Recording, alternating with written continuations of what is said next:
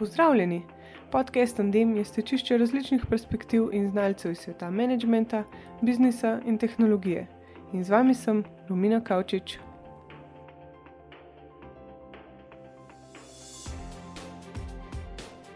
Konec leta 2017 so mnogi ure in ure preživeli na spletnih menjalnicah, investirali v goro ICO projektov in upali na bajne prihodke. Zaslužek je zadišal vsem, ali redki so se spraševali, če v odzadju novo nastalih podjetij sploh obstajajo profitabilni poslovni modeli. Samo leto zatem je situacija popolnoma drugačna. Je ljudi v kriptobazenu res vse manj? V razlogih in nadaljevanju blockchain razvoja sem se pogovarjala z Eriko Pogorelc in Vladom Miloševičem, ki sta z ogromno podjetji delala od točke nič. Erika Pogorelc je solasnica podjetja New Origin. Njen fokus je razvoj blockchain aplikacij. Pri tem je delala kot vodja razvoja pri podjetju CoFounded in programirala za Google in Peer-to-Peer University. Je mentorica pri neprofitni inicijativi CodeCats, kjer uči kodiranje vseh žensk željnih poznavanja kode. Redno podaja znanje na konferencah in meetupih. Vlado Miloševič je direktor in ustanovitelj podjetja Ovliko, ker startupom pomagajo v različnih fazah razvoja. Pri tem je izkušnje nabiral kot svetovalec različnim akceleratorjem v fazi izbiranja startupov in kot mentor novo nastalim podjetjem na podjetniški poti. Pa še to, čeprav nista poklicna glasbenika, ju druži ljubezen do petja, kar boste slišali tudi v tej epizodi.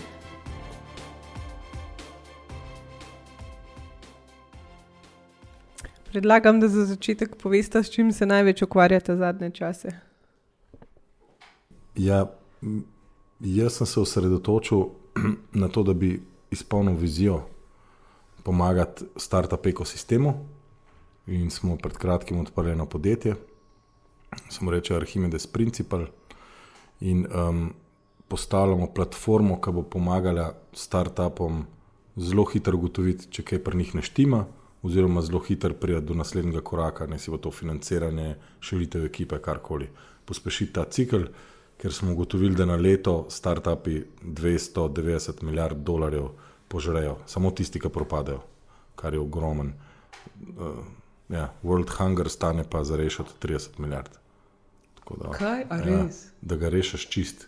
Se pravi, Se pravi, vsako leto startupi požrejo full več. Desetkrat več, kot bi stal World Hunger rešiti. Oh. Za zmerom. Sam zato, da, nač, nač, da, da... da propadajo pol. A ni to kul cool podatek? Udarno. Udaren začetek. Ja. Tudi Rubina je presenečena. Sem prišel tega, kaj ti zdaj delaš do World Hunger? Ja. Ja, jaz bom pa od vladu tak stranka pol ali kaj. Mi smo skupaj delali, ali kaj tako? Uh, ne, jaz se pa ukvarjam zdaj tudi novo podjetje, sem zaštartala skupaj še z, z tremi partnerji in uh, se ukvarjamo z developmentom, se pravi, developmentom na blockchainu, razvijanjem softvera na webu, itd. itd. Kako sta pa sploh vstopili v blockchain svet, oziroma kaj vaju privlači? Mm. Lansko leto se mi zdi, da je bilo veliko govora o tem blockchainu, kar naenkrat se je pojavilo upanje v startup sceni, ker v Sloveniji je bilo drugače tradicionalno težko dobiti kapital, da si svojo idejo razvil, pa pripelil nek, neko naslednjo točko. Ne. Pa se je pa kar naenkrat pojavila možnost, ko je ekonom izbral denar, ko je founded izbral denar. Mene to je privleklo moja pozornost, pa sem se pa začel pogovarjati z ljudmi, začel brati o tem in sem videl, kakšen potencial ima ta tehnologija in to je mene. Ko enkrat začneš brati o tem, ne nehaš. Ja. Nikoli ni konca, sam se to je pa res. Blockchain nima nikoli konca. Um, ne, jaz sem pa v bistvu, mene, mene pa bolj ta ideologija privlači, ne stiki tudi meni. V bistvu banke so nas vse zafrknile in zdaj se še vedno nonšalantno obnašajo. Uh, in, in pač so je najdel par tehničnih posameznikov, na katere sem zelo ponosna, ali pa ena, ali pa ena, ena, ene, uh, ki, so, ki so organizirali Satoshi Nakamoto movement in, in naredili Bitcoin. In to, to je tista stvar, ki me pravzaprav privlači. Se pravi, ta misterioznost, pa, pa po obenem pač tudi uh, rešitev problema, ki je res boleč. Ste ugotovili, kdo je to še veš? Uh -huh. Rihana. Kdo? Rihana. Ja. Ja, drugače pevka. Rihan. Kdaj si pa, mislim, kako si pa pol začela programirati, takoj, ko si videla, pač, kaj vse blockchain omogoča? Ne, blockchain je v bistvu zelo zapletena stvar. Mislim, zapletena, ni zelo simpel za razumeti.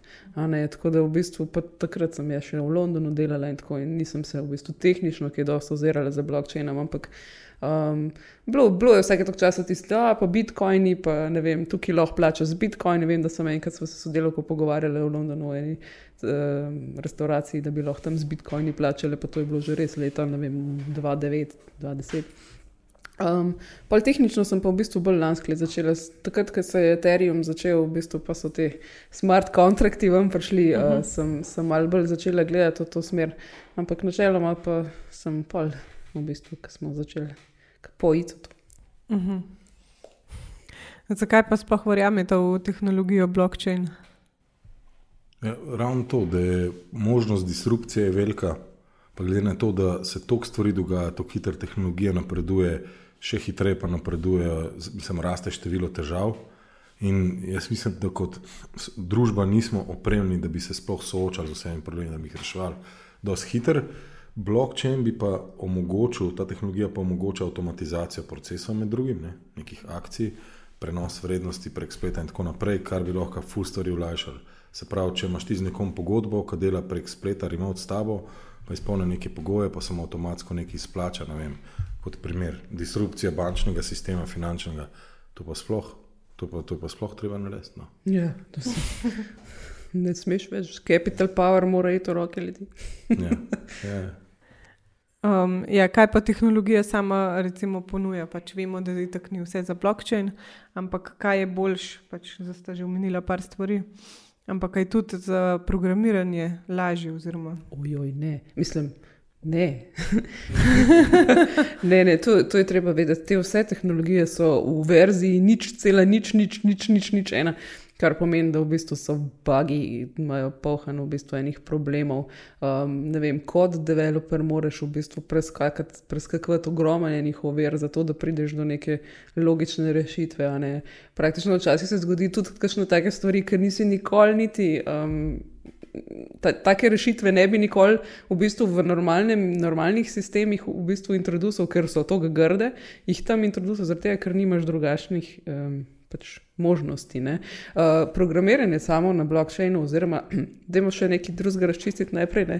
Uh, blockchain je zdaj pod novim, kot tehnologija se imenuje DLT, Distributed Ledger Technology, ne zaradi tega, ker pač je to zelo logičen napredek blockchaina.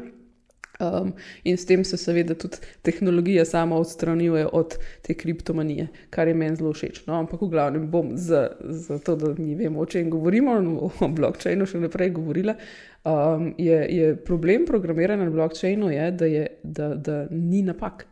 Oziroma, ne smejo biti napake, ne? zaradi tega, ker ne moreš zadeve popečati, eh, ne vem, verzije dve narediti, pa jo nadgraditi, pa tako naprej. Vse skupaj moraš, iti kar čez en orang problema, ne, da, da, da zadevo v bistvu sforkaš in na novo narediš, je kar grozen. je, kako se pa pol vračaš, če recimo zdaj nič, nič, nič verzija, neki, a ne. In pol, ko se update pač jezik oziroma neka logika, je treba iti pol nazaj, pa vse popravljati. Ne, ja, ne, v bistvu je tako. ne, Dokler enkrat imaš na blockchainu, na mainnetu, to pomeni, da je to pač tam in dela. In če ti rabiš nove funkcionalnosti oziroma pač nove stvari, narediš nov smart contract in v bistvu potem se pa odločiš, ali pač forkaš, pa v bistvu cel, celo stanje, tisto, ki ga, ki ga smart contract nosi, v bistvu daš na, na nov smart contract, kar je res grozen delati. Um, ali pa pač samo od tam naprej z novim smart contractom delaš. Ne, in, Škoda, da se spomnim analogije. To blockchain je immutable, ne? se pravi, ne, ne da se spremenjati nekaj, kar se je zgodilo, je za zmeraj zapisano, tako kot v vezi. Ne? Kad ti enkrat zafrkneš, punca nikoli ne pozabi. Ne, ne moreš zbrisati, lahko sam še forkaš. Ni, ne gre več. Sam še forka. Ja. Ok, omenila si tudi ta DLT, pač decentralized, am, ampak kaj, je, so te sistemi res decentralizirani ali je to sam nek buzzword, pa imamo v resnici full teh blokčinov, ki so na, si- sicer zelo omejeni. Meni je fully zanimivo, v bistvu, kaj se je eh, pokazalo z vsem tem movementom. ne, Da v bistvu, tako kot je vlado prej rekel, kot družba, ne, je, delujemo res v tolikih nivojih. da, da v bistvu vidiš, ne, da recimo, vem, en sam nivo, v tem primeru tehničen nivo, ne more razrešiti nekega problema. Ne, zaradi tega, ker pa imaš zmeraj tukaj problem governance, problem, ne vem, kako v bistvu. Uh, Rekla, shady people, uh, problem tudi na koncu koncev v sodišču, oziroma neki arbitraž, ki se, zgodi, ki se zgodijo, ki bi se morali dogajati, in tako naprej. Um, tako da, ja, zdaj, kar se tiče decentralizacije, je pa to tako, ker smo ljudje zelo taki, da radi obožujemo druge. Mm, potem pač ne hote in, in mogoče tudi včasih ne vede, veliko moči pade v bistvu na nekatere ljudi, ki mogoče tega niso niti sposobni voziti. Kakšni mislijo, da so, kakšni so, ampak v osnovi, recimo, v primeru Ethereum, včasih človek prav malo pomisli, tam je en kup enih fantov, zelo mladih, v življenjskih izkušenj, še nimajo, v bistvu in se odločajo, da so velike stvari. In, um, in, in, in je, včasih se malo za zamisliti. Vse pohvalno je to, da se veliko ukvarjajo s tem, kako bi governance naredili. Ne? Ampak uh, je zanimivo pač ta primer teh zaklenjenih tokenov na, na, na blockchainu. Zdaj, kdo je tisti, ki se odloča, jih bomo odklenili, odklenili? Ne. In dejstvo je, da se še vedno nismo odločili, pa je zdaj že skoraj eno leto od tega. Ja, se strinjam. ne, pred časom se je recimo fulguril v bistvu o vrednosti kriptovalut pa so pač ljudje, ki so začetniki ali pa pač, ki se ne ukvarjajo toliko s tem, mislili, da je v bistvu to blockchain, da je cena enako tehnologije. Zdaj se mi pa zdi, da se je ta kriptomanija mal, pač mal potehnil, pa da je res pod, um, poudarek na tehnologiji. Kako pa vidva gledate na ta preobrat, je bilo pričakovano? Vem, da ste vi tudi uh, full uh, podjetje analizirali za investicije. Ja, ko se je pojavil ta hype uh, zbiranja denarja, preko ICO-tov, preko Initial Coin Offeringov. Mislim, da je zelo hitro postalo podjetjem jasno, da je to najlažji način priti do velikih denarja, kar je v bistvu bilo slabo in slabo vpliva tudi na podjetja.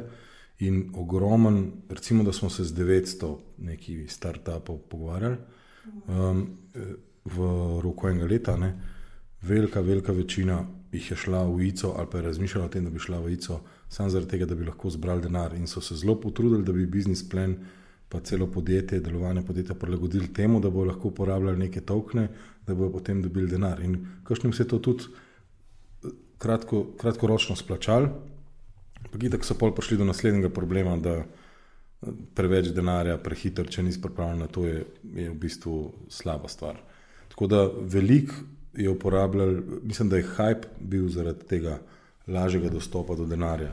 Um, zdaj pa počasi pa prehaja v spredje tehnologija, kar je pa top, kar mislim, da nam je vsem všeč. Ja. Mm, meni je. ja, Ampak kaj je bilo skupno tem, um, da niso imeli razdeljene pač ekonomije, mislim pač biznis plane?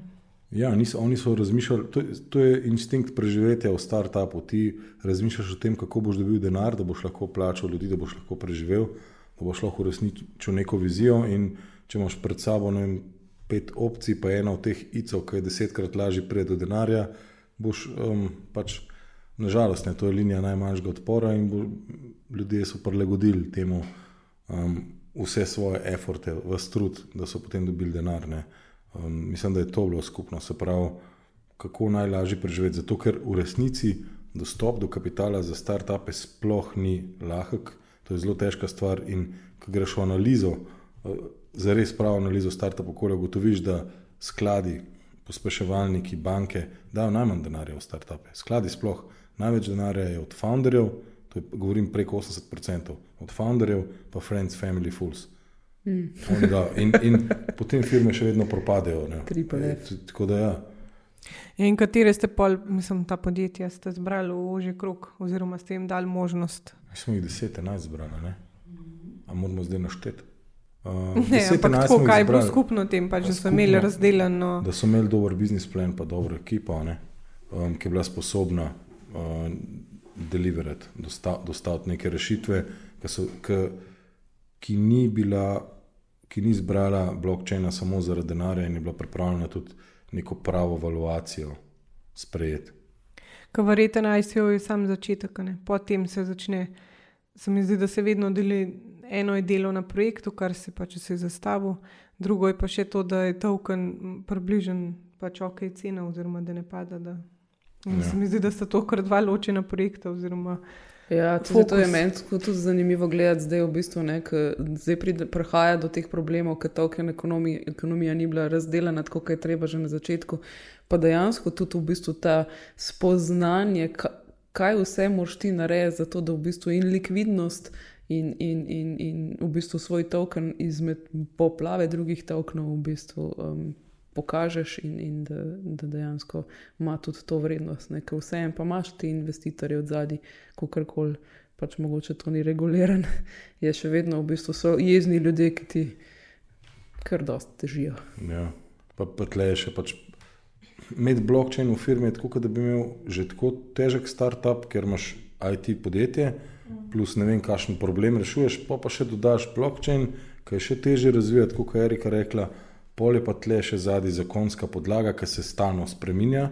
Tako da to je full enih uh, faktorjev, ki jih tipično ne želiš prenesti v podjetje. In, še posebej ne v startup. Ja, sploh ne v startup, ki je že tako vse. Matra, da bo prišel. Ja, pa v bistvu tudi zahteva pol izkušene ljudi. Ne? Zdaj, pri teh ICO-jih je bilo pa doskrat, mislim, neka skupina ljudi, ki mogoče ni imela niti izkušenj. No, plus tega, da niso ja. bili prej povezani. Ful, ja, ful so se tudi točno to, a ne v bistvu. Doskrat se je zgodilo, recimo, da, da so kašni ljudje, ki načeloma niti ne grejo dobro skupaj, skušali skupaj stopiti, ne, pa ne vem, se poročiti in imeti otroke. Ne, in to se je. Pa je bil pa forke. Pa je bil pa forke. ok, omenila sta že, da se pač ta regulacija stalno spremenja. Um, ampak je regulacija vseeno prinesla neke spremembe na boljši? Um, a bi z več regulacije pripeljali še boljše projekte, oziroma več denarja, mogoče v Slovenijo? Če bi bila boljša regulacija, bi sigurno pr, lahko, pr, ne vem, če bi pripeljali več denarja, mogoče bi bilo lažje, ampak ko se enkrat poglobiš v to, kaj naj bi regulirala ta regulacija, pa te zakoni, hitro prideš do tega, da mora biti podjetje sposobno nekaj s tem denarjem narediti, kar pomeni, da procent se ne bi kaj preveč spremenil. Sposobnih podjetij ne bo več, zaradi tega, ker je nekje en večji kupček denarja. Uh, tako da regulacija. Nesposobnih bo pa več. Ja, ja, nesposobnih bo, bo, bo, ja, nesposobnih bo pa več, ker bo več prišlo, da mislim, bo hotel denar. Tako da regulacija bi lahko ful stvari izboljšala, mogoče bi lahko celo prisila podjetja, ki preveč eh, z lahkoto jemljajo vse skupaj, da se bolj obnašajo. Recimo to, kar je Vitalik predlagal lansko leto, Dajko, ne, mm -hmm. da bi se postopoma po milestonih sproščala investicija. Se pravi, investitorji dajo x denarja na nek kupček, na fiduciarni račun, ne na fiduciarni račun, na nek volet, ne, in potem se iz tega voleta sproščajo manjše količine denarja, glede na milestone, ki jih podjetje izpolni. Teoretično je to ok. Sam tam so bili pa neki voting rights, pa to ne zanima nobenih investitorjev, valjda. ampak to je tisto, kar manjka. To bi regulacija, regulativa lahko recimo, pomagala, izboljšala. Ja, poznam podjetje, ki so v bistvu to naredili, um, ta Kleros. Ampak je, oni niso šli tako, da so na začetku zbirali primer 10 milijonov in da bi se pol na vsake dva meseca 2 milijona, pač, um, oziroma na eno leto, kako koli bi se že določili. Ampak so šli, da je prvi milestone, mislim, so imeli neomejeno in pol bi šli pač naprej, sicer so imeli pač nek cap. Problem je pa pač nastal, ko so odobili, od takrat v vrednosti je bilo 2 milijona ne, dolarjev, zdaj je tako hiter, pa da bi bilo fulman. Ampak pač ta projekt, da je bil token v uporabi, je bil zelo težek, zaradi tega, ker recimo investitor, ki bo prišel čez pol leta, ki bo nov milestone, bo dobil na ICO, mislim pač na tem, ki so ICO. Ja token po višji ceni, kot recimo na teh platformah, Aha, ne, na menjalnicah. In v bistvu ne vem, kaj bo zdaj naredila. Ne, ampak... Ja, se to je po mojem, mislim. Ampak po nižji ceni. Ne, po višji okay. Ja, ker recimo oni so imeli 12 dolarjev, mislim, da je bilo na token, ampak ker valjda zdaj ni bil token v uporabi, je cena padla in ga zdaj dobiš, ne vem, za 3 dolarji, nekaj takega. Ne? In v bistvu, zakaj bi jaz pol njim investirala na ja, novo? Ja, ali pa tudi, marketa. zakaj bi tudi na začetku investirala, ja. če bo i tako cena padla. Ja, se, ampak se to je zanimivo, ne? v bistvu, zato, ko pridemo tukaj izbit, od, ob kamen spotike eh, tega blockchaina je, je token. Če me ne vprašaš, ne? zaradi tega, ker um, ti token izdajaš in ga imaš v obtoku in tako naprej. Ne? Mislim, da v bistvu zbiranje sredstev preko tokena ni to najboljša stvar. Sicer model se je, model se je vzel iz delnice, ampak v bistvu tam malo drugače stvari šibajo. In, in, in, in je to problem, če ti v bistvu izdajaš nekaj, še preden ti sploh veš, ali boš uspel ali ne ti že izdajaš nekaj. Pa če sistem deluje, oziroma. Ja, ja, ja ne, tako da v bistvu ja, tudi te milestone, ne pa po drugi strani, ja, tudi kdo bo, kdo bo zdaj v bistvu tiskal, bo glasoval, ali je to podjetje doseglo milestone ali ni, ne, in take stvari. Ja, da, um, ampak pohvalno mi je pa to, da so pač poskušali v bistvu tudi na koncu koncev sami sebe zaščititi na način, da. Da niso prišli pa do tega problema, ki pa zdaj doskrat pridejo startupi um, do problema, ki imajo pa preveč denarja, ne v bistvu. In, in se začnejo ljudje kar malce čudno obnašati. Ja. Pač problem je, mislim, meni se zdi, da so tudi dali velik podarek na tehnologijo in na produkt, in produkt je v redu, sam Pa vse to zamegli, kar recimo ljudje mislijo, da noč ne delaš, zato ker je cena tokna tako nizka. Ja, sej, um, jaz, jaz se dosti srečujem tudi s projekti, ki imajo pa, um, ogromne probleme, v bistvu, če so oni, ne vem, blockchainovski, me dosti vprašajo, ne, a sem jaz čisto redo za blockchain. Včasih pa pride tudi do tega, da, da, da so podjetja mal preveč usmerjena v to, da bodo zdaj to, to, to tehnologijo integrirala v svoje sisteme, samo zaradi tega, da ne bojo, ne vem, neki ljudje um, jim ne vem, kaj v bistvu rekli prav neki investitorji. Ne? Ampak, ker malo pogledaš, ne, pa greš mečkar pač po teh njihovih kanalih, ne, kdo so ti investitorji, ki jim težijo ponovati to pet trolov na desetih telegramih, ki pač težijo. Zato, ker težijo, ker pač je to tako. In če se ti v bistvu svoj posel obračaš po teh petih trolih, eh, te tudi kar drago koštano. Mm. Ja, pa v bistvu to se lahko zgodi na vsakem področju. Uh, Če imaš tako odprto komunikacijo, oziroma možnost, da ja, daš možnost. Vse to je, to je ne? ampak v bistvu pri blockchainu je ta problem, ne? da tudi uh, tehnologi uh, ne poznajo zadeve tako dobro, kot mogoče bi jo mogli. Ne? In potem v bistvu, kaj je zdaj tista stvar, ne? ker nekaj se treba zavedati. Blockchain kot tehnologija. Mi, mi nihče od nas ni naredil ta zgahaj, pa kaj je prišel PostgreSQL ali pa ne vem, kaj je prišel MySQL. Ven, v bistvu eh, ta blockchain, ja, pa, pa, cel ekosistem v bistvu prinaša s sabo in, in tle ne more eh, en človek vedeti v bistvu vsega. Ne? In tako v bistvu tehnologije ne vejo vsega, pa po drugi strani pa tudi ne biznis ljudi. Ja, pa verjetno se tudi ločijo, ne vem. Eni so full za Bitcoin, eni pa če ga ne prijemo. Ja, pomoč pa še te, ja, še, te beliverje, ja, ja, ja, ja, to, to je pa pol spet. Čisto ločeni svetovi. Sam v bistvu. Dajmo Jure ta perca ja, pozdraviti.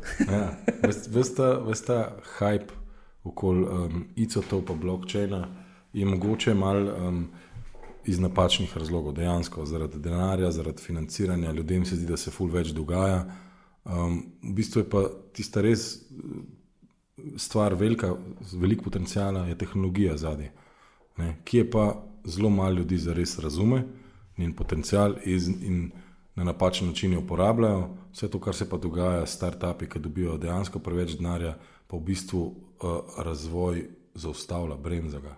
Ker potem te start-upi, se to je sigurno bilo že stokrat povedano, če ti dobiš. Um, Prej si se mogel boriti, da si najdel najboljši način, da nekaj rešiš en problem. Zdaj imaš pa kar naenkrat ne 10 milijonov na lagarju, ti se ne boš več trudil. Pa, nisi več lačen uh, dovolj. Ja, nisi lačen, you're not hungry. No, yeah. hungry enough.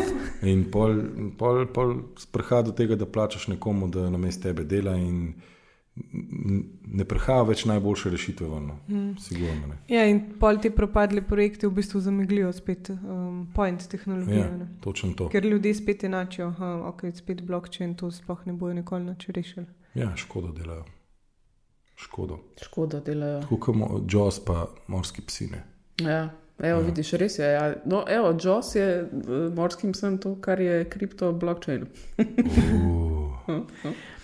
Um, pa blockchain tudi omogoča v bistvu bolj etično uporabo teh potrošniških podatkov, ker vemo, da pač, um, se ne zbrišajo.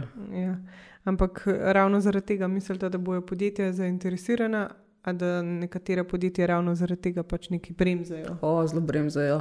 Um, medicinski recimo, podatki so precej, precej zabremzani, zato ker pač se, se še ne ve, kako bomo pravzaprav to vse skupaj uravnavali. Zdaj, GDPR je v bistvu v istem času še prišel. Pa, pa tako, veliko ljudi misli, da ja, bomo dali podatke na blockchain, ne, ampak kaj mi enkrat razložiš da moraš pobrisati. No way back, ja. Ja, no way back, enkrat tam je tam in konc. Je, je pol v bistvu zelo, zelo razmišljajo o tem, da mogoče to ni najboljši način. a Ne? Ja, in katere panoge pa mislite, da so pol primerne za to, da bi dajali podatke gor? Finančne. Ja. Pa to ne čisto vse. Nekaj, kar, kar se pravi, vse, kar delajo recimo vlade ali pa neke, neke ustanove, organi, ki so odgovorni, ki odgovarjajo javnostim, oni bi mogli biti pač eh, ne, up to scrutiny, ne vem, kako se to zdaj pove. Da, lahko, da vsak lahko preveri, kaj so počeli z denarjem. To bi bilo fantastično, da bi mi videli, odkot se je vem, vsak poslanec pa stranka financirala, um, kam je šel državni denar. Da jaz vem, da uh, tisti kovanček, ki sem ga jaz dal za prispevke marca 2017, da vidim, kako je potoval do tega, da si je minister kupil vem, nove feltne za Audijane. Ne vem, recimo. Ali, ali, ali pa to šlo res v moj lonček za pokojnino. Ne? Je ni šlo. Ne? Ja, nisem, Tukaj je bilo bo še fajn, več sledljivost. Ampak to, da boš pa recimo vem, ti blockchain za podatke o letih ali pa za medicinske podatke ali pa nekaj zvezano za el- elektroenergetski sistem, to je pa že mal triki, tle pa boš kakšen pravi blockchain. Ne? Um, ja, sej sam ti private blockchaini pa niso tako zanesljivi, in tle, to je problem, ne pa na koncu koncev tudi private, pa, pač blockchain, je, nimaš upogleda v to. Ne, um, ne sej jaz mislim, da obstajajo načini, seveda, ali pa se bojo obstajali v prihodnosti, ki bo, ki bo v bistvu smiselno tudi na koncu koncev medicinske kartoteke imeti na blockchainu. Sami moramo v bistvu najti način, kako zadevo um, dovolj privatno narediti, in, in, in da, da ne bo pač to škodovalo uporabnikom. Ne. Zaradi tega, ker če se zdaj borimo za free net, a ne pa za ne vem, pač prosti pretok nekaj, a ne pač moramo tudi to svobodo v bistvu pustiti. Ampak private blockchain to pomeni, da bi recimo Slovenija imela svoj blockchain za ne, vem, zdravstvo. Um, ja, recimo, ne, v bistvu, kamor imajo pogled, pač vsi, vem, slovenci. Omejeno število ljudi ima dostop. to je Um, ja, pravi. treba je tudi vedeti, recimo, mi se kle večinoma časa se lahko pogovarjamo pač o nekem Ethereumu, a ne, ki ga poznamo tako, kot je. Ne, ampak v bistvu je fora, da, da blockchaini obstajajo, blockchaini, ki imajo v bistvu zelo dober uh, level dostopa, ne, kar pomeni, da v bistvu, ne vem, jaz lahko dostopam do, do nekaterih svojih transakcij, nekaterih svojih podatkov, v bistvu nekaj pa lahko tep šeram, če hočem. ne. In tako naprej. In je v bistvu to, to je, mislim, da prihodnost, zares, da ne bo zadeva mm. tako transparentna. Ne. Aha, in vsi podatki niso na vzven public. Ja, ne, ker če jaz v, bistvu v parih transakcijah pošljem svojo zdravstveno kartoteko, ne, in ena transakcija so moje zelo osebni podatki ne, in to skrijem in to lahko jaz, samo jaz gledam, a ne, po drugi strani pa pač v bistvu vsi ti podatki, ki jih pa moj doktor rab za to, da vidi, kaj je moja preteklost, a ne v bistvu jih lahko jaz omogočim pač temu um, nivoju ljudi, a ne, ki se pač identificirajo kot Samo zdravniki. njemu. Ja, No, kot to je bilo nekaj startupov, ki so se s tem ukvarjali, ne? da bi imel se pravi online identity, pa podatki, da bi imel v recimo temu enemu paketu ali pa enem dokumentu, ki bi bil razdeljen na več nivojev dostopa in ti bi lahko se odločil, kaj boš delil s kom. Se pravi, ko boš šel v spletno trgovino, boš samo na highest level uh, dal podatke, ko boš pošiljal zdravniku, bo še en drug level, ko boš odpiral firmo tret, plus še točno boš vedel, kdo je dostopal do tvojih podatkov, pa zakaj ne. Hmm. To je pa recimo super primer. Ja, Se strinjam. no, vidiš. Ja, tukaj je spet pol kakšne podatke gor dajo, oziroma je spet, recimo, kdo zdaj v te zdravniški um, ambulanti lahko dostopa. a ne. Um, kaj pa mislite, da je tehnično največji izziv blockchaina? Da je počasen. Tehnično, trenutno tehnično največji izziv blockchaina je točno to, ne, da v bistvu je skalabilnost aplikacij, ki so na blockchainu, dejansko ful slaba. In ne moreš um, reči, da je to res zelo uporabna stvar. No. A pa samo obstaja rešitev. Ja. Mislim, za vse je rešitev, če je dovolj denarja. Ne, se ne. Vsi smo videli, ne? včasih je dovolj denarja, pa to ni rešitev. Um, ja, obsta seveda obstaja rešitev. Pač sej, blockchain, ki ga danes poznamo, bo v bistvu čist nekaj drugega kot blockchain, ki ga bomo poznali čez deset let. V bistvu, kot pravim, takrat samo tudi blockchain ne bo več rekel, se bomo mi trije tule usedeli in bomo, se spomnite, ko se pogovarjali o blockchainu, ha, ha, ha, kjer je loliki, v glavnem. In, in, uh, in takrat bojo pač zadeve tudi absolutno ful hitrejše in delovale tako, kot vem, smo navajeni danes, da podatkovne baze delujejo, hitro zapisujejo stvari in tako. Ne, in, in takrat bo v bistvu ta transparenca, ki jo pa blockchain prinaša, pa že čist en tak layer na internetu, ki bo, ki bo v bistvu. Ja, se zato v bistvu dosti govorimo o tem adoptionu, rate of adoption, da je pač počasen. Um, pa se mi zdi, da v bistvu v primerjavi z ostalimi tehnologijami je čisto ok. Vse. Um, je, že, je full hiter, zaradi tega, ker pač um, je nekako tak, neka prisila v to. a Ne, v bistvu, zaradi tega, ker je zdaj modern, doskrat se pač ta imposter sindrom, ne imposter sindrom, pač ta FOMO, fear of missing out zgodi. In, in, in pol podjetja skušajo najti nekaj, kar bi. Mislim, sisteme, ki so čist, ki jim delujejo in so čisto v redu, pač jih hočejo popraviti. a ne. If it ain't broken, don't fix it. a ne. Ja. Je pa tudi problem spet v tej regulativi. Zakaj bi se podjetja ali pa sistemi podajali v uporabo blokčina ali pa delanja z blokčinom, če se jim lahko zgodi jutri, da jim banka pošlje dopis, to kar se dogaja v Evropi. Banka ti pošlje dopis in v dopisu piše, prosimo v 15 dneh eh, prenesti vsa svoja sredstva, moramo vam zapreti račun in pa se poglobiš v to, zakaj. In ti rečejo, pač to so nam povedali, v naši pogodbi, kot v vseh eh, bančnih pogodbah, piše pa, da lahko brez kakršnega koli pojasnila zaprejo račune. Ne. A res, Kar to je? A to zaradi To je kar tega, ker je blockchain ja. uporabljajo. Ja, to je razlaga, ampak ni ta pravega vzroka, zakaj bi zaprli, ker se neka firma ukvarja z blokčinom. Ravno včeraj sem poslušal od enih developerjev, ki so samo razvijali določene sisteme za eno podjetje, ki se ukvarja z blokčinom. In Pa so jim jim pa so dobili dopis, da je ne banke nam rekel, kjer je Raiffeisen, da, da morajo pač zapreti račune. To nikoli ne. Kot podjetje, da morajo zapreti račun. Da morajo ja, svoje sredstva da- dvigniti, kar imajo na računu, morajo v bistvu umakniti in S tem, zapreti. da to je pač eno tako podjetje, ki je mednarodno, mednarodno lastništvo in je ful zakompliciran vse zadeve urediti. ne. To traja mesec, oni so jim dali pa 15 dni. Ne.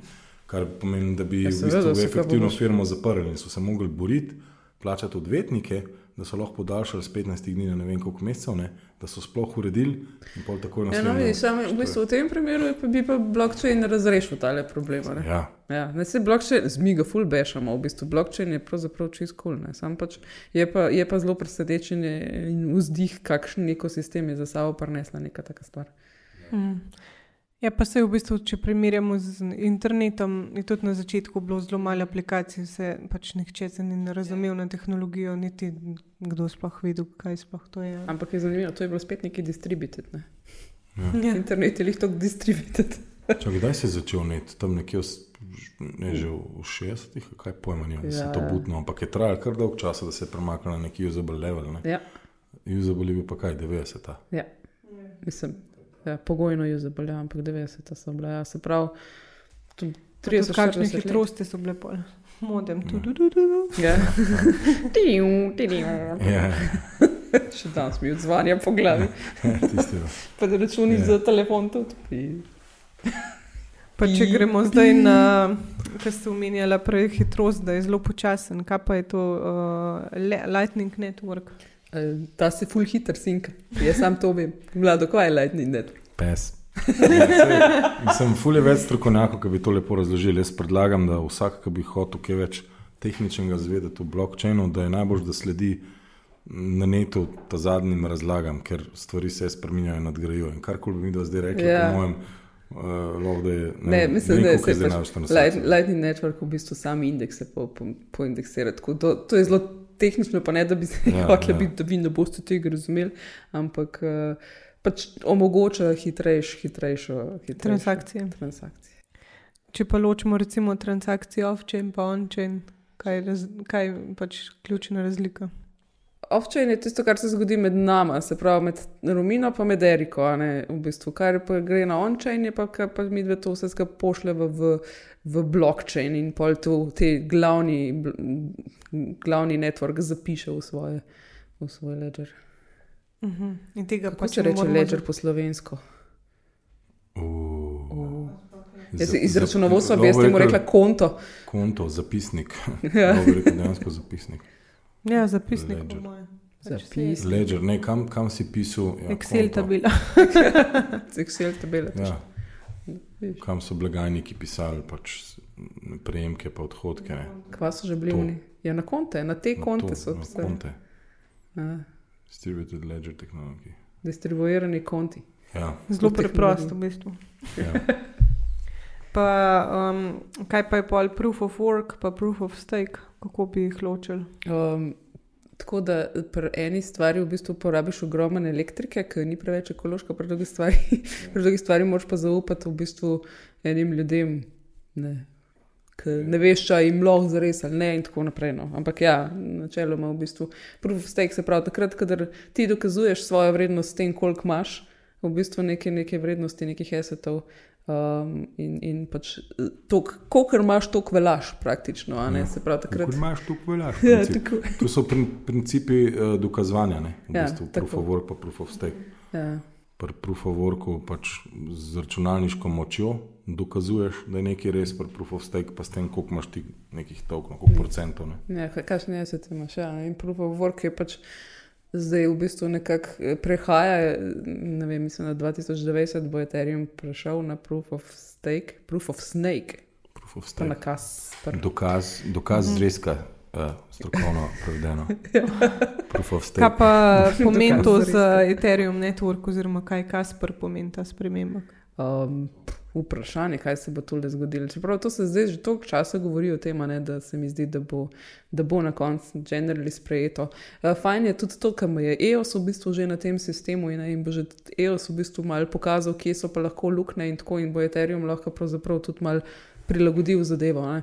Um, ja, ampak proof of, eh, proof of work pa itak ni, ni tudi ne ske- skalabilnost te, tega uh, načina dokazovanja, v bistvu pisanja v ledgerje, zaradi tega, ker je pač res to, to potratno, ne, v, v, energetsko potratno, da, da to ni nikakor dobro za človeštvo.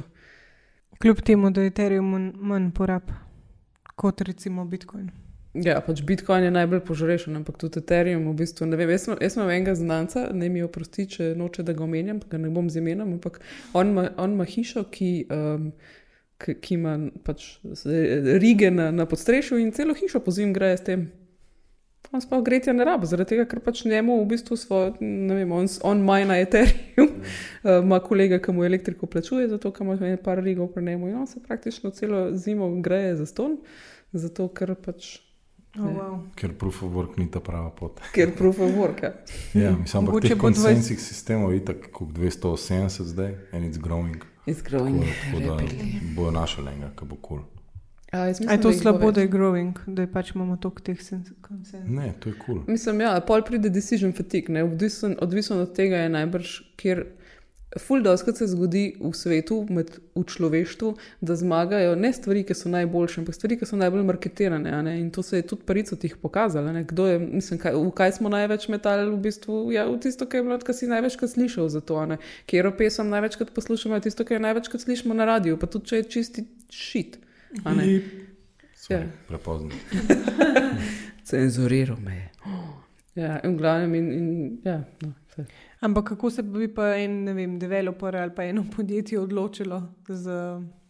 Ja, tako kot se developerji odločamo, developerji smo zelo opinionated people. a ne, in Pač mi, imamo, mi, mi gremo v svojo luknjo in stvari preštudiramo, to in uno in tretje, in potem se odločimo za to. In zelo redko kdaj se zgodi, da nas kaj premakne, a ne pač kakšen Ja. pametnejši kolega, kolegica, mogoče ja, vse ostalo. Pa. Ampak kje sploh izveš, recimo, za če jih je 270? a ne? To ima Da si- Reklame, da pokličeš New Origin. Ne? New Origin pokličeš, pa rečeš, hej, Erika, Dry Kaj ti Madi misliš? Noici, Roof Mehan, Blockchain Tech. tek, tek. Bom jaz back vokal, ti dej pa. Ja, a greš še enkrat, ti si zdaj. Dry Madi Noici. Ni šlo. Nič. bova, bova, nasle, v naslednji verziji Rumininga podcasta bomo že imeli pač kitaro. Pozanimaš se, ne? odvisno od tega, kakšen problem rešuješ. A zdaj sprašuješ za ekipo, ki se, ki se odloči, da bo razvijala sam v, enem, v eni tehnologiji, ali za podjetje, ki hoče neko rešitev na blokčinu narediti. To je različno. Ne?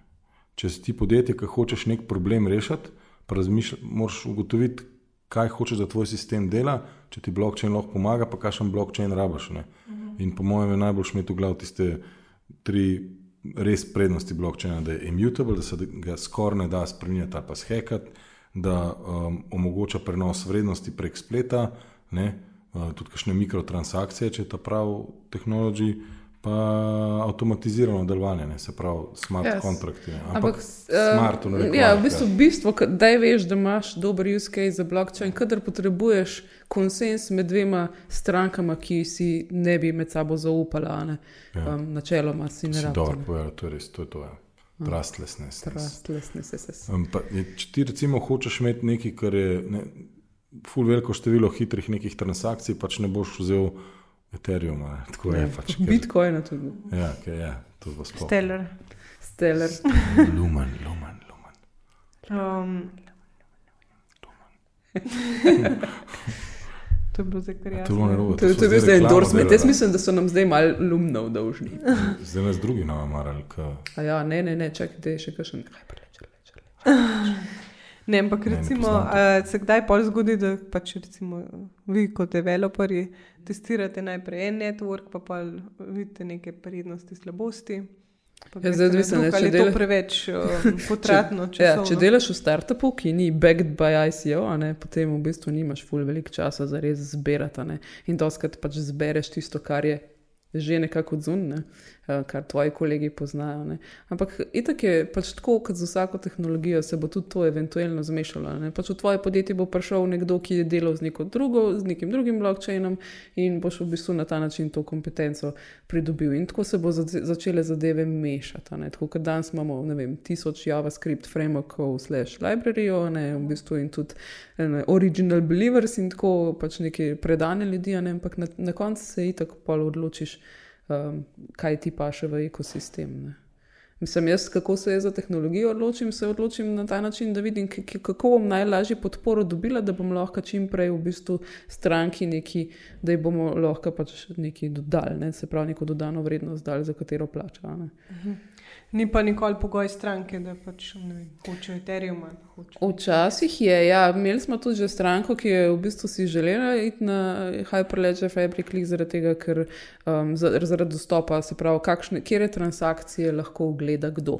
To, to je v bistvu kar dost velika bolečina Ethereuma, ne, da je pač, pa tudi blockchain, da je zelo um, pač odprt.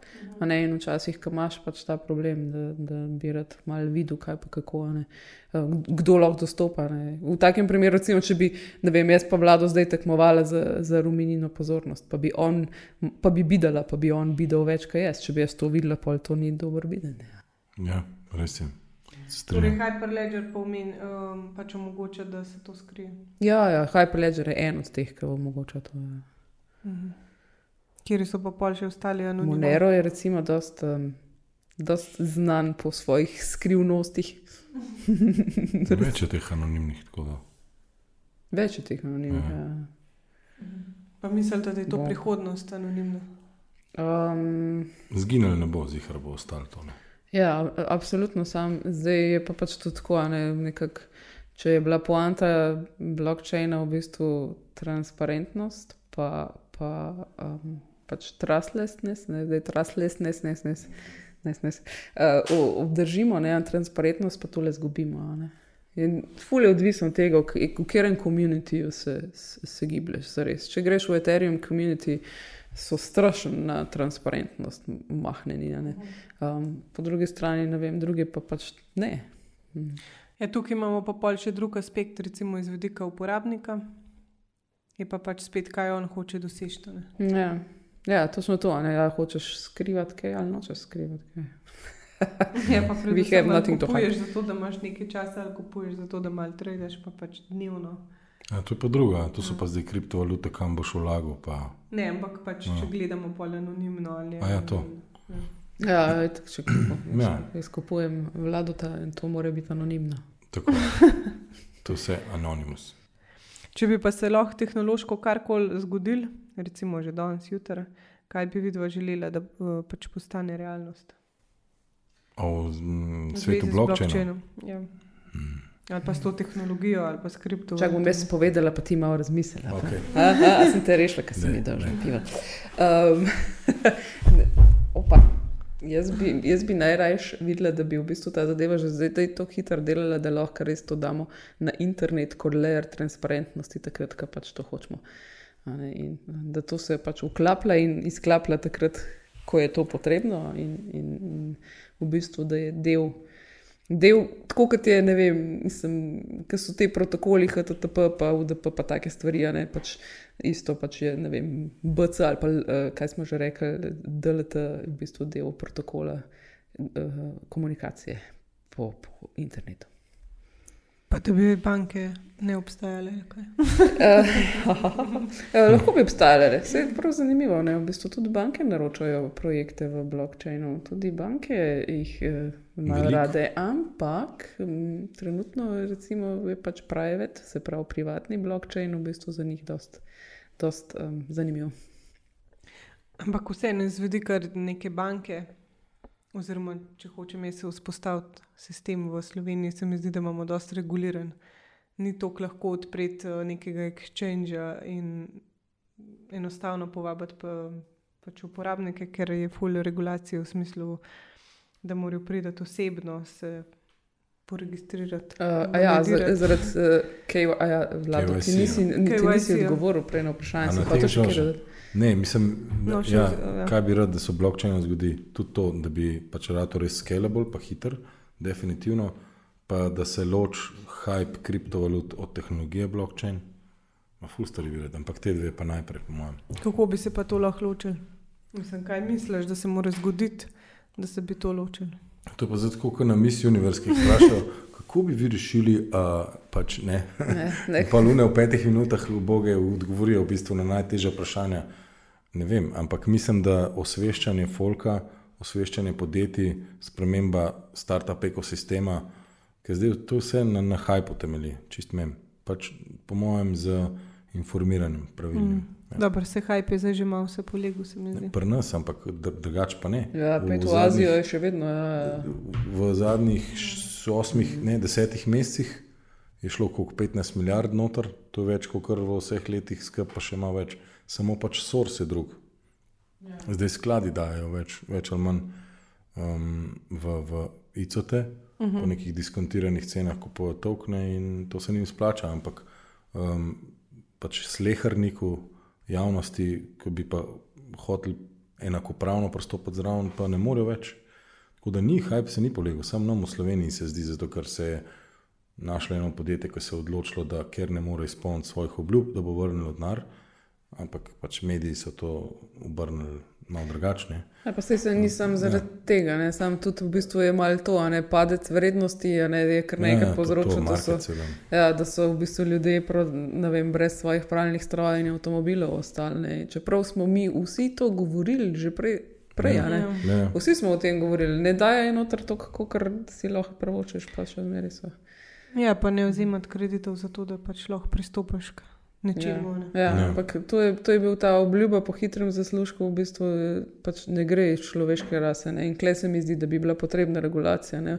In v tem primeru ja, se strinjamo, ne? čeprav um, država Slovenija je zamudila kar, kar dober vlak tukaj. Ja. Ja, mogoče, če bi pač bilo bolj reguli regulirano, da ne bi te temne sence bilo. ne. Um, po drugi strani pa, ja, pač mediji so dosti naredili hype tudi v zvezi z urednostjo.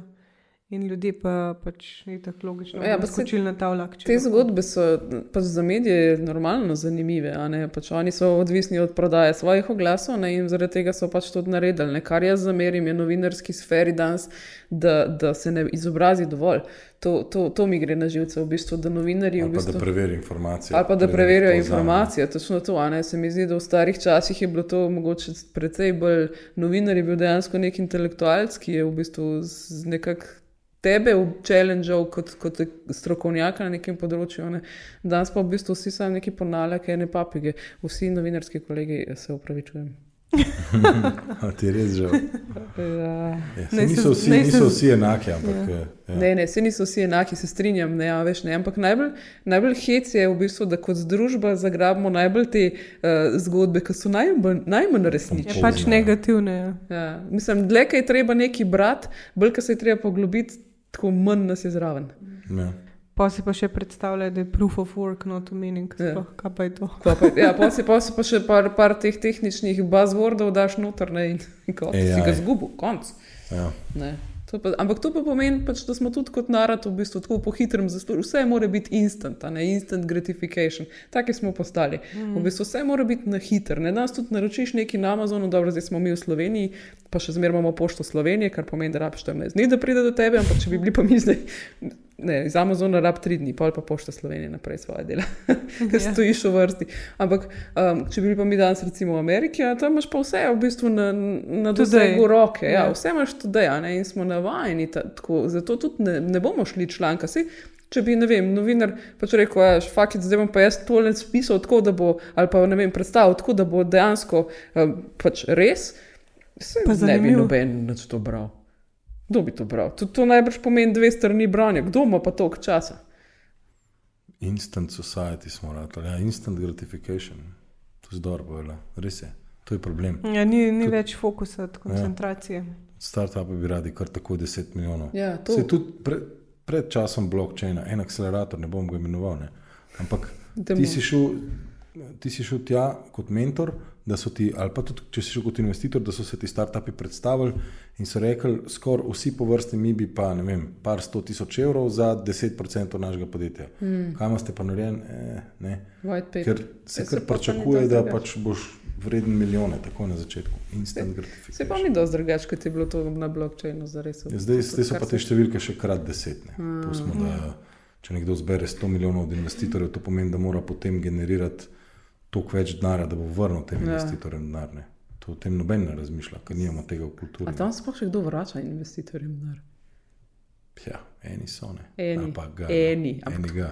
Eni ga. Man, eni mal, sami. Mal. Zmal, ja. Kako pa vidite povezavo artificial intelligence pa blockchain? Slabo. ja, ni, ni neki povezave. Artificial intelligence po, po defaultu ne bi se učil iz nekih. Eh, dobrih datasetov, ki so se skozi čas kreirali. Ne. Blockchain je pa nekaj dosti novega, recimo. No.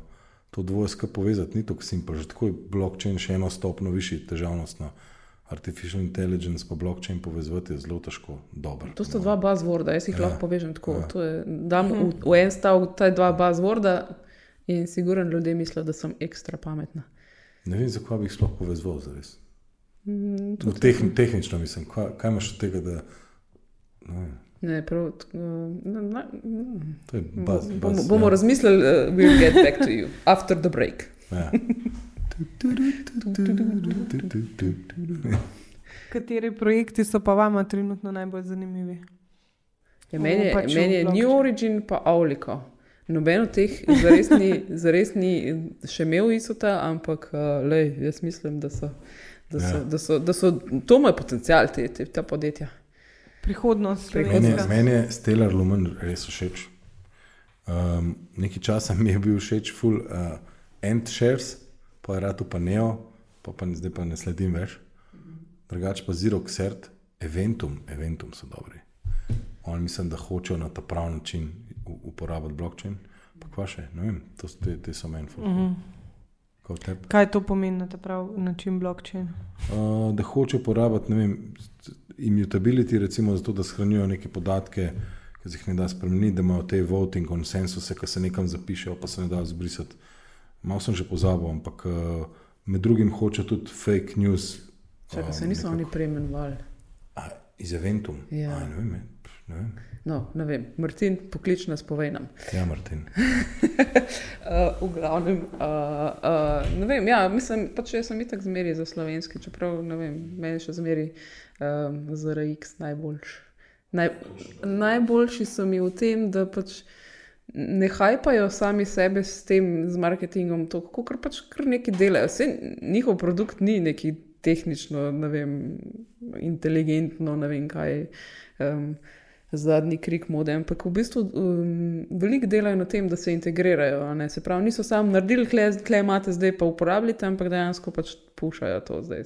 Ker to je pa pač ta drugi del, um, ker recimo se mogoče tudi pa tehnični ljudje malo manj na njega oziramo, ne, da kaj enkrat narediš, kot da to pomeni, to še zdaj ne pomeni, da si to naredil, zdaj, da, da je to zdaj narejeno. Treba to zbrketegirati, pa, pa, pač porint tja, kaj je treba, Ja, da bo imel tudi uporabnost. Ne, sej, Adoption. ja, adoption. Noben, noben programer zares ne mara pisati kode, ki jih nihče ne bo uporabljal. Ne? Tako Da, ampak o tem pa res ne razmišljamo ful veliko. No, ampak zaradi tega imamo mi taki ljudi, kot je Vlado, pa njegovi kolegi. a Ne, ki pač mal, Da se mal lahko več malo znajo navežete. povedati.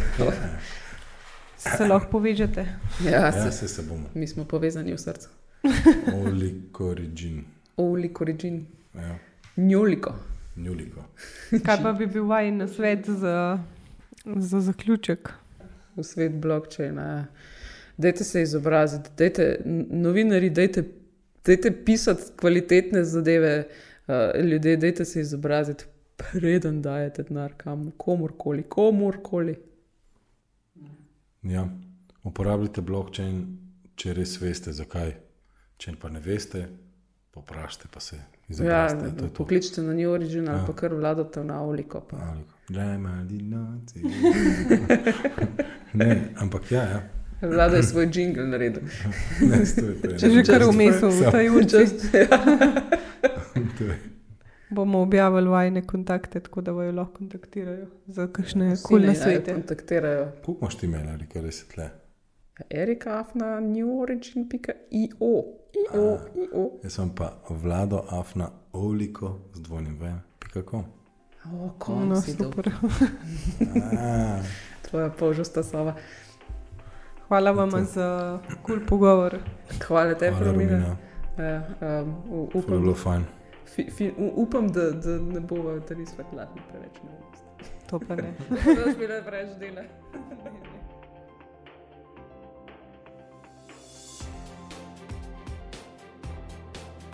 Hvala za poslušanje. Če vam je bila epizoda všeč, prosim, pustite svojo oceno na iTunesih ali pa me potegajte pod afna poslušajte nem na Instagramu, Twitterju ali Facebooku. Tako bodo za kul vsebino izvedeli še drugi. Če pa imate predlog teme za novo epizodo ali pa gosta, pa mi lahko pošljete e-mail na hej, afna poslušajte nem.si. Se slišimo!